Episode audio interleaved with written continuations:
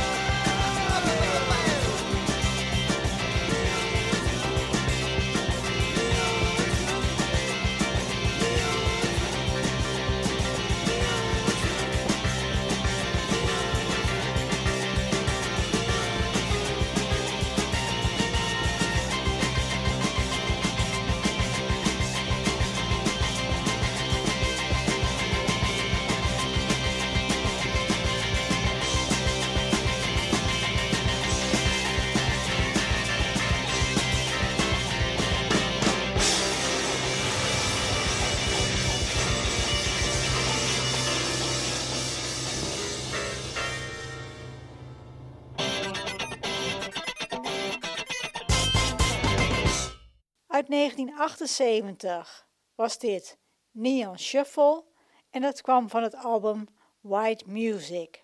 White Music is het eerste studioalbum van Ecstasy, uitgebracht op 20 januari 1978. De LP was geproduceerd door John Leckie, die begonnen was als tape operator bij de LP All Things Must Pass van George Harrison. De opnames vonden plaats in de Manor in Oxfordshire. Het was het vervolg op hun debuut, de 3D-EP, dat drie maanden geleden eerder was uitgebracht. Van het album White Music kwam de single Statue of Liberty, die door de BBC werd geboycott door de zin In my fantasy I sail beneath your skirt.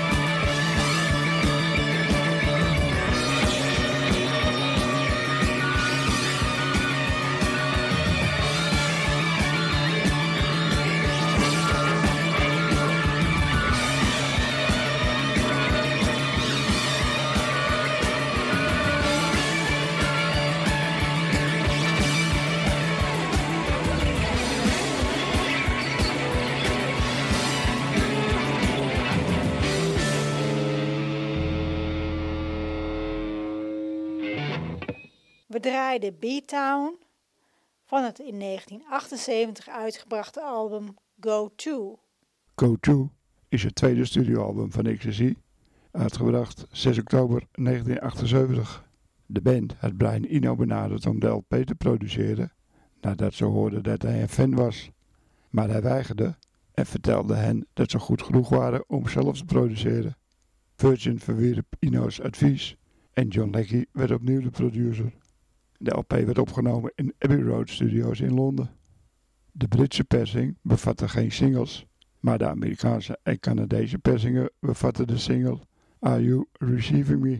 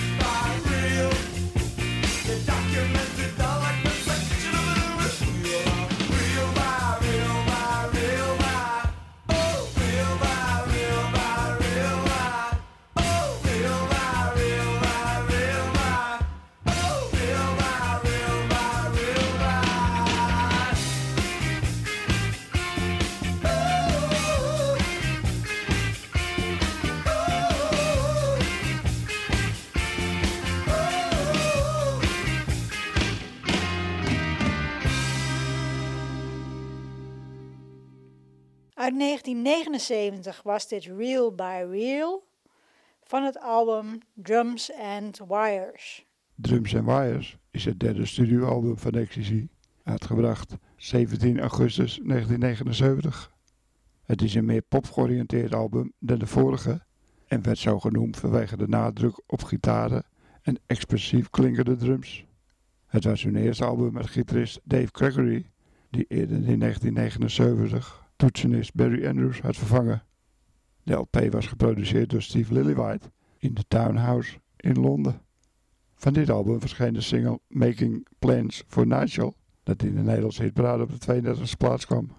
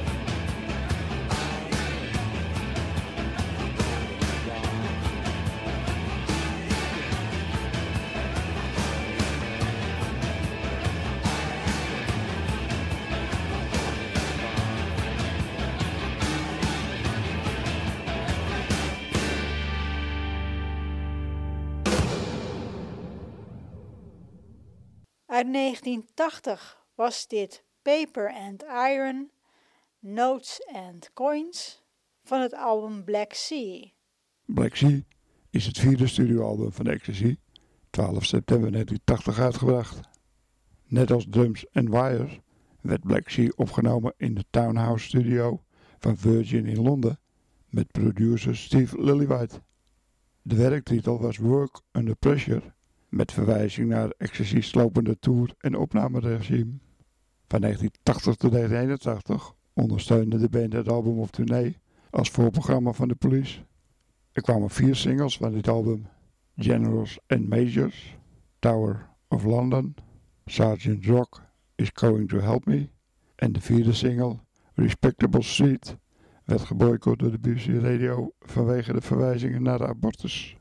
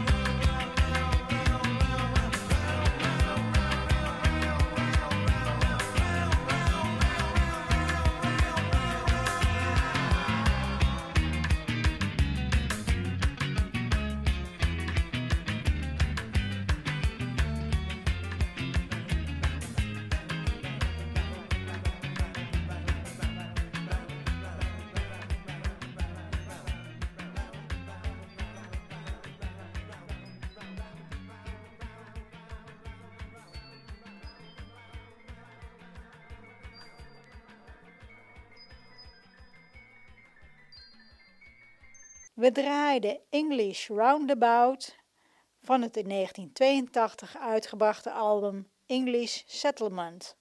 English Settlement is het vijfde studioalbum en het eerste dubbelalbum van Ecstasy, uitgebracht op 12 februari 1982.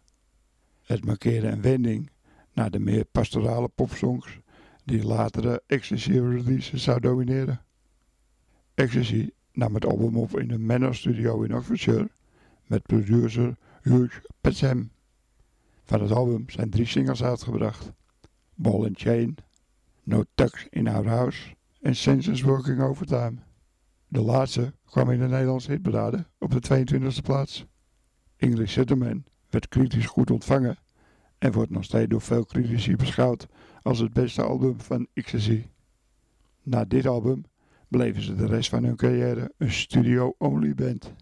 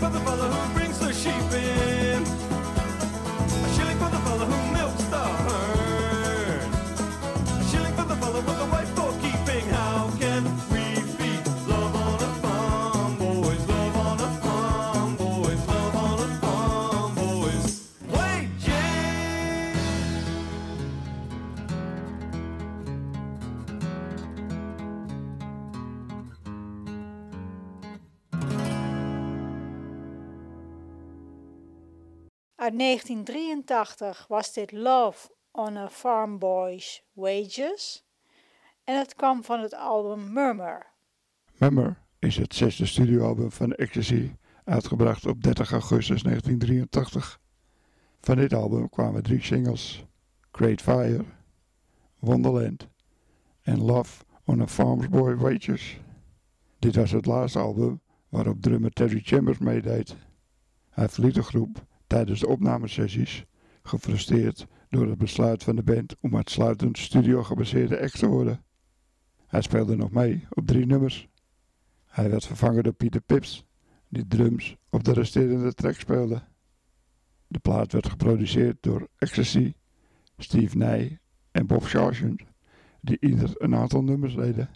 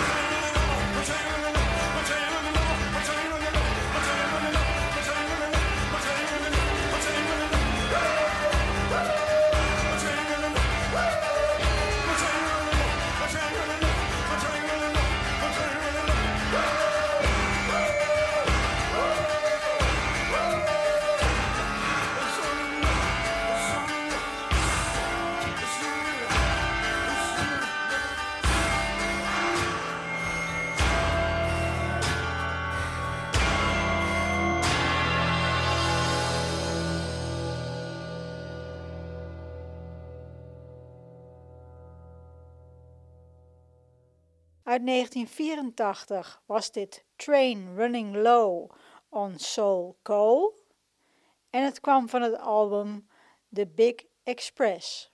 The Big Express is het zevende studioalbum van Ecstasy, uitgebracht op 15 oktober 1984. Het is een autobiografisch conceptalbum, geïnspireerd op de geboorteplaats van de band, Swindon, en zijn spoorwegsysteem, de Swindon Works. Ecstasy produceerde het album met David Lord. Het werd opgenomen in de Crescent Studio in Bath en Odyssey Studios in Londen. Pete Pips werd weer ingehuurd als sessiedrummer voor de band.